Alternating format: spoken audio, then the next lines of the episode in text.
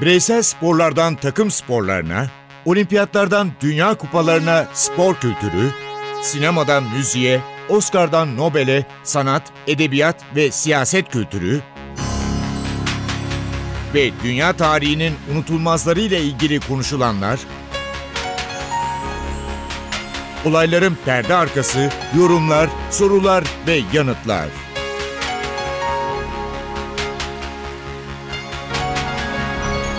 Ercan Taner ve Mert Aydın'la Ateş Arabaları başlıyor.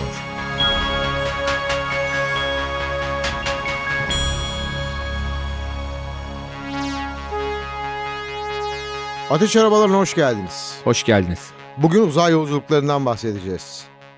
Uzaya, Ay'a ilk adımını atanlardan. NASA, Ay'a insanlı gemi göndermeden önce Ranger, Survivor ve Orbiter araçlarını gönderdi. Acaba Ay'a elverişli iniş var mıydı? Şunu söylemek lazım. Ondan sonra bu karar verildiğinde, verildikten sonra, yapıldıktan sonra Apollo 11'in e, meşhur o gezisi gerçekleştikten sonra da e, bu bir tiyatro muydu? Bu bir acaba mizansen miydi? Aslında gitmediler mi diye ciddi anlamda böyle bir e, komplo teorisi kurulduğunu söyleyebiliriz Amerika'nın içinde de. Ve bu komplo teorileri konuşuldu. Daha sonra da daha önce de. Yaz NASA'nın planı gerçekti. Komuta modülü, hizmet modülü ve ay örümceğinden oluşan bir gemi planlandı. E, bu geminin içinde Neil Armstrong, Buzz Aldrin ve Michael Collins isimli 3 astronot bulunuyordu. İlk önemli adım olarak şuna bakabiliriz. 21 Aralık 1968'de fırlatılan Apollo 8'in ayın yörüngesine oturtulması ve ay çevresinde 10 kez dönmesi gerçekleştirildi. Ama insanlar yoktu. İnsanlı bu ilk uçuşta aslında birçoklarına göre, anlatılana göre ilk olarak aya ayak basması beklenen kişi Buzz Aldrin'di. Ama iddia odur ki Neil Armstrong yanlış tarafa oturduğu için mecburen ilk olarak o aya ayak basmıştır. 16 Temmuz 1969. Camp Kennedy uzay üstündeyiz. Üssün adı niye Kennedy? Onu da söyleyeyim ben size. Kennedy göreve geldikten sonra önemli hedeflerinden biri artık insanoğlunun uzaya açılması olduğunu belirtmişti. Ve uzay çalışmalarına büyük önem vermişti. Bu yüzden Cape Kennedy üssü 16 Temmuz 1969'da büyük bir olaya tanık oldu. Apollo 11'de mürettebatlar hazırdı. 20 Temmuz akşamı saat 8.18'de ayın yüzeyine Apollo 11 indi. Ve ilk olarak Neil Armstrong ardından da Buzz Aldrin ay yüzeyine indiler. E, Michael Collins ise görev gereği Apollo 11'den dışarı çıkmadı. Amerika Birleşik Devletleri bayrağı dikildi. Ardından da çeşitli taş ve toprak örnekleri alındı. Bu örneklerle madencilik, aydaki su oranı hepsi araştırıldı. Ama Ay'a o filmlerde seyrettiğimiz Uzay 1999 gibi bir üs kurulmadı. Fakat uzay yarışının Amerika Birleşik Devletleri ve o zamanki Sovyetler Birliği'nin büyük yarışına sahne olduğunu rahatlıkla söyleyebiliriz Mert. Evet. Apollo 11'den sonra da Amerikalılar başka araçları göndermeye devam ettiler. Mesela Apollo 13 ay yolundayken kaza geçirdi. Astronotlar durumları iyiydi. Yalnız Apollo'nun büyük bir bölümü parçalandı. Astronotlar dünyaya çok zor döndüler ki bunda NASA çalışanlarının merkezin çok büyük bir katkısı olduğu söylenir. Evet.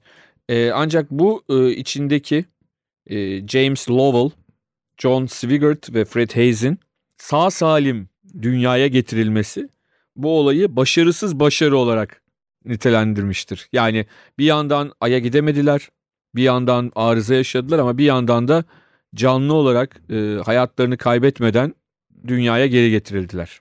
Apollo 15 başarılı oldu. Ay taşıtı vardı Apollo 15'te ve yüzeyde dolaşabiliyordu. Ay'a indi. Yaklaşık 100 kilo ağırlığında ay taşı getirmeyi başardı. Apollo 17 ise 1972 yılının son seferini gerçekleştirdi. Az önce saydığımız isimler, Ay'a yolculuklar ama şunu da mutlaka biliyorsunuz. Uzaya ilk giden bir Amerikalı değildi. Bir Rus'tu, adı Yuri, Yuri Gagarin'di. Bu arada ilginç bir şey var Ercan abi. Biraz önce de söyledin Apollo 17 7 Aralık 1972'de Ay'a gitmiştir ve son insanlı uçuştur. Niye son insanlı uçuştur? Bu da enteresan. Yani üst üste Ay'a gönderilen insanlı uçuşların ardından daha sonra bir daha böyle bir şey gerçekleşmemiştir. Teknoloji ilerlemesine, NASA'da büyük çalışmalar yapılmasına rağmen. İddia odur ki, yani iddia değil, bir film, çok enteresan bir film. Daha sonra iptal edilen uçuşun, 17'den sonra iptal edilen uçuşun aslında yapıldığı ama orada korkunç yaratıklar işte film icabı. Hı hı. Korkunç yaratıklar oluyor ve e, ve karşılıyorlar. Gelin bakalım diye. Ve ondan sonra bir daha göndermemeye karar veriyorlar. Tabii o film icabı ama gerçekte nedir ben açıkçası bilmiyorum. Merak da ediyorum. Niçin teknoloji, e, bilim bu kadar ilerlemişken aradan geçen 45 yılda hala insanlı bir uçuş e, Ay'a yapılmıyor. Ya da yapılıyor kimsenin haberi mi yok? Başka bir yüzeye mi iniliyor? Orada Amerikalılar ya da Ruslar ayrı bir üs mü kuruyorlar? Böyle çeşitli komplo teorileri yapılabilir. Senin teorine bir teori daha ekleyeceğim. Ayın karanlık yüzü var. Ne yapılıyorsa orada yapılıyor. Ve bundan tabii haberimiz yok. Yani 45 yıldır gitmemesi çok acayip zaten. Yani o zaman insanlar acaba doğru mu söylüyordu daha önce gidilmiyordu da gidiliyormuş gibi yapılıyordu bilmiyorum ama sonuçta bir gariplik oldu bir e, değişiklik oldu e, kesin. Ercan abi. Ayı... Gagarin'den ben biraz bahsetmek istiyorum sen Ay'dan konuşurken. Neden bahsedeyim biliyor musun? Ay'a ilk çıkan astronot olarak değerlendiriyoruz ya. Armstrong. İlki o. Uzaya ilk çıkan. Yuri Gagarin. Yuri Gagarin. Ve yıl enteresan 12 Nisan 1961.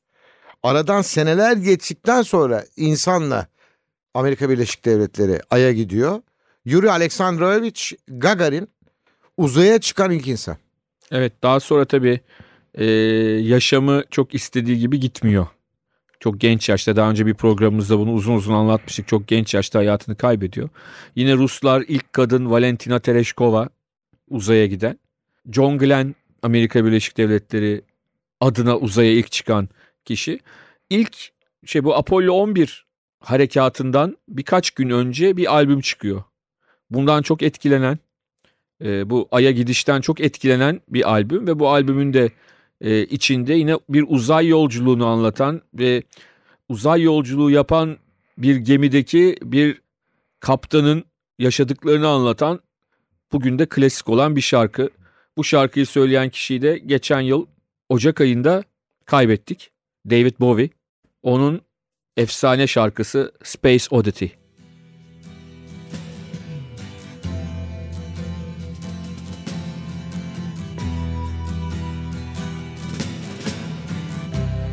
Ground control to Major Tom. Ground control to Major Tom. Take your protein pills and put your helmet on. Ten. Ground control Nine. to Major Tom. Eight. Seven. Six. Commencing countdown engines on. Three, two, check ignition one. and may God's love be with you.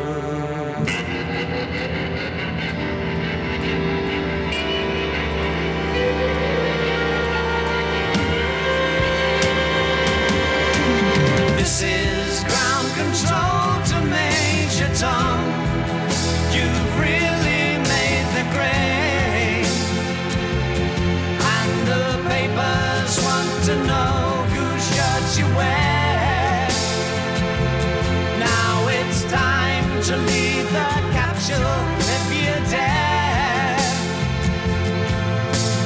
This is Major Tom to ground control.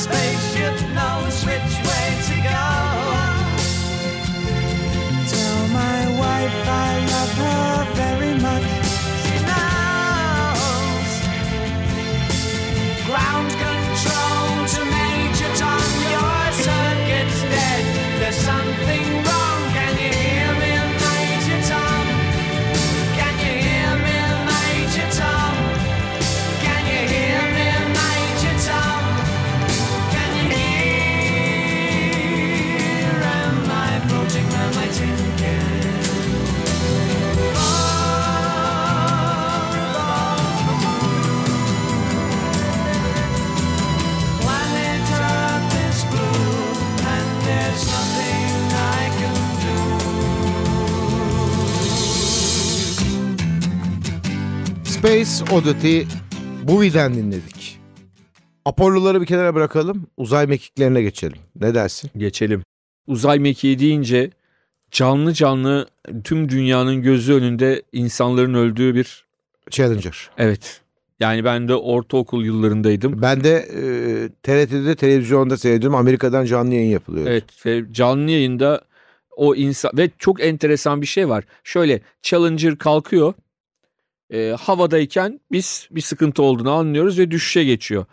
Şimdi orada herkes eyvah diyor. İşte yakınları da oradalar. E, üsteler ve üzülüyorlar. Aslında o sırada ölmemişler.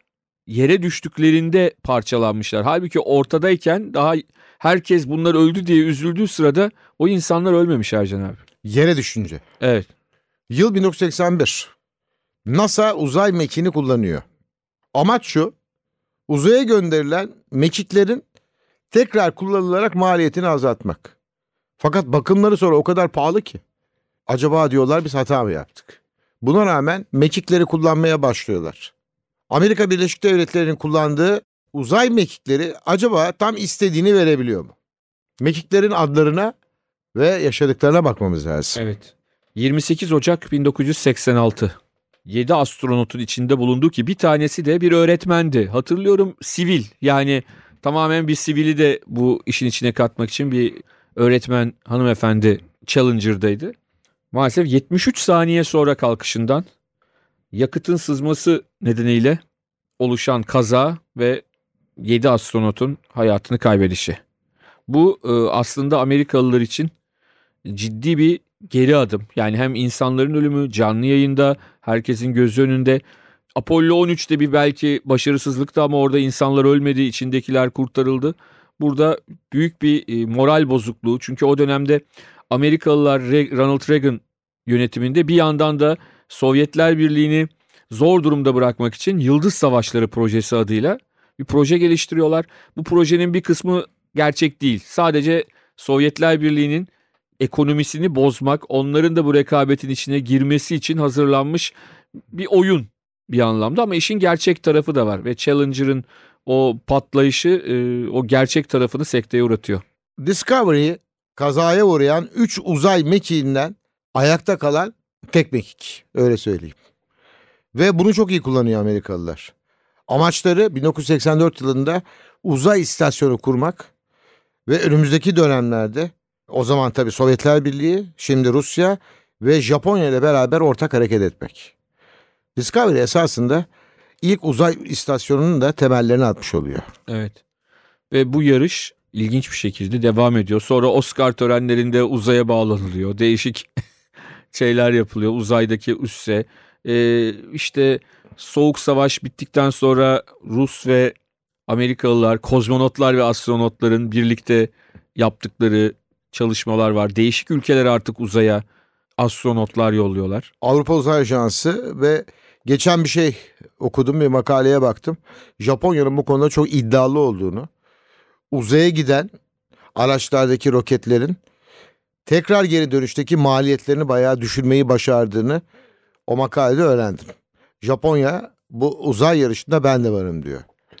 Discovery söyleyeyim emekli oldu artık. Artık ne yapıyor? Bir mekik yaşıyor. Parçalanmadı. Şu anda duruyor ama emekli edildi. Uzay istasyonu kurmada da çok büyük emeği geçti Mekik'in. 24 Şubat 2011 tarihinde emeklilik kararı alındı Mekik için. Evet. Ee, Challenger faciasının olduğu dönemlerde Avrupa'da İsveçli bir grup Europe bir Venüs yolculuğuyla ilgili enteresan bir şarkı yapıyor. Bu şarkı bugün bile özellikle adı nedeniyle yarışmalarda güzellik yarışmalarından başka yarışma birçok yarışmada fon müziği olarak kullanılıyor ve hala dillerde aradan geçen 30 yıla rağmen Europe Final Countdown.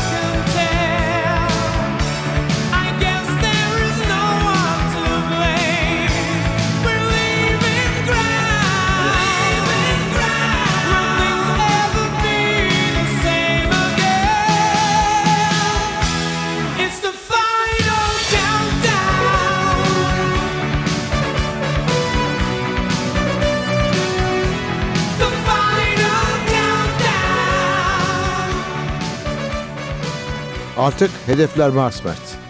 Matt Damon Mars'a gitti. evet. Filmini Çok da izledik. Mars'la ilgili şunu söyleyebilirim. Güneş şu anda Mars'ı çok rahatsız ediyor. Güneş fırtınaları var. Bu yüzden sivil bir kıyafetle Mars adlı gezegende yaşamak hemen hemen imkansız. Evet yani oraya giden sivil olmayacak ya da o kıyafetleri giymeyecek. Tabii yani insanoğlunun en büyük hayallerinden bir tanesi uzaya uzay yerleşimi diyelim. Başka gezegenlere yerleşim. Ayın bize yakın olması nedeniyle hep ay öncelikli olarak düşünülmüştür. Mars yine aynı şekilde düşünülmüştür.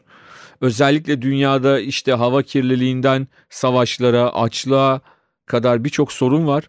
Bu sorundan kurtulabilmek için şanslı bir azınlık oraya götürülür mü, oralarda yaşayabilir mi diye düşünülmüyor değil. Hani on, oralarda yaşansa muhtemelen bize sıra gelmez ama e, bir grup insanın özellikle de hani multi milyarderlerin böyle hayalleri var. Daha önce oradaki hayatın bittiği ve oradakilerin dünyaya geldiği yönde tezler de var. Bunu söyleyeyim. Yani birçok Ve evet, Mars'ta da su var ama denizler yok. Onun araştırmasını yapıyorlar şu anda.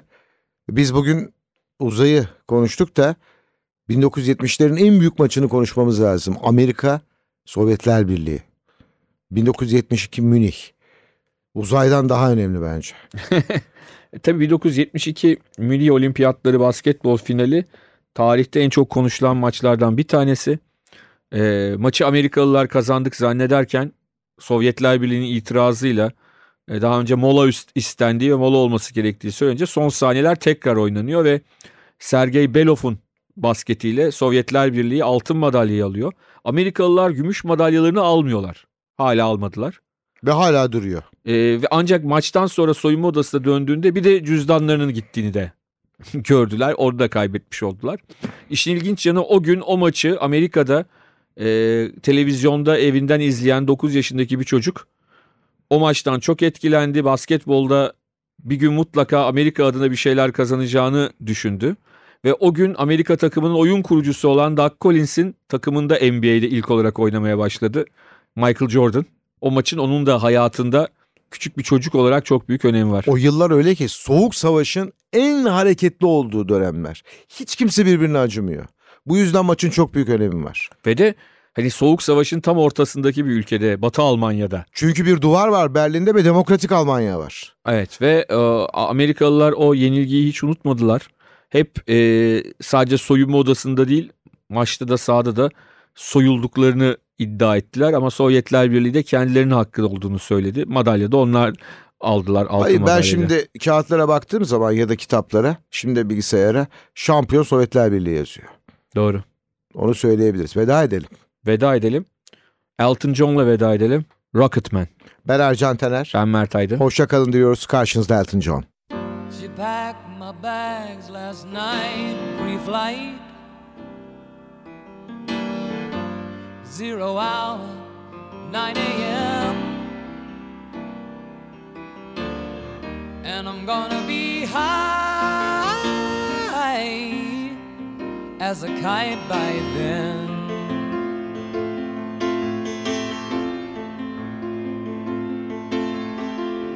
I miss the earth much. I miss my wife. It's lonely out in space on such a timeless flight.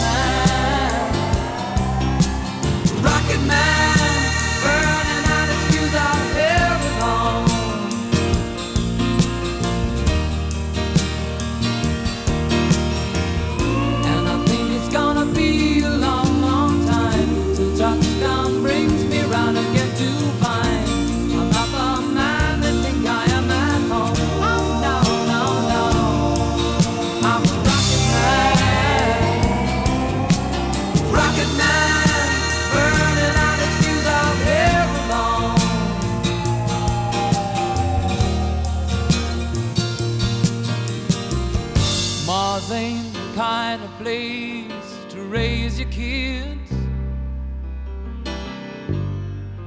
In fact, it's cold as hell. And there's no one there to raise them if you did.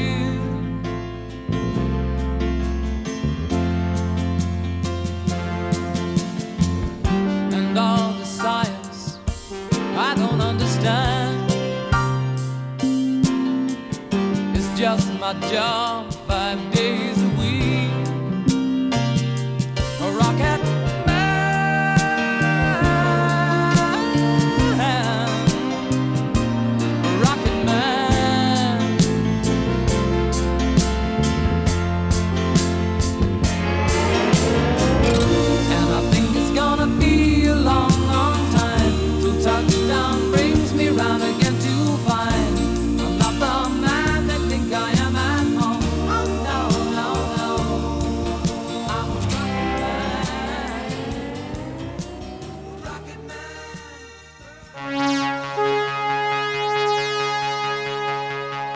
Ercan Taner ve Mert Aydın'la Ateş Arabaları.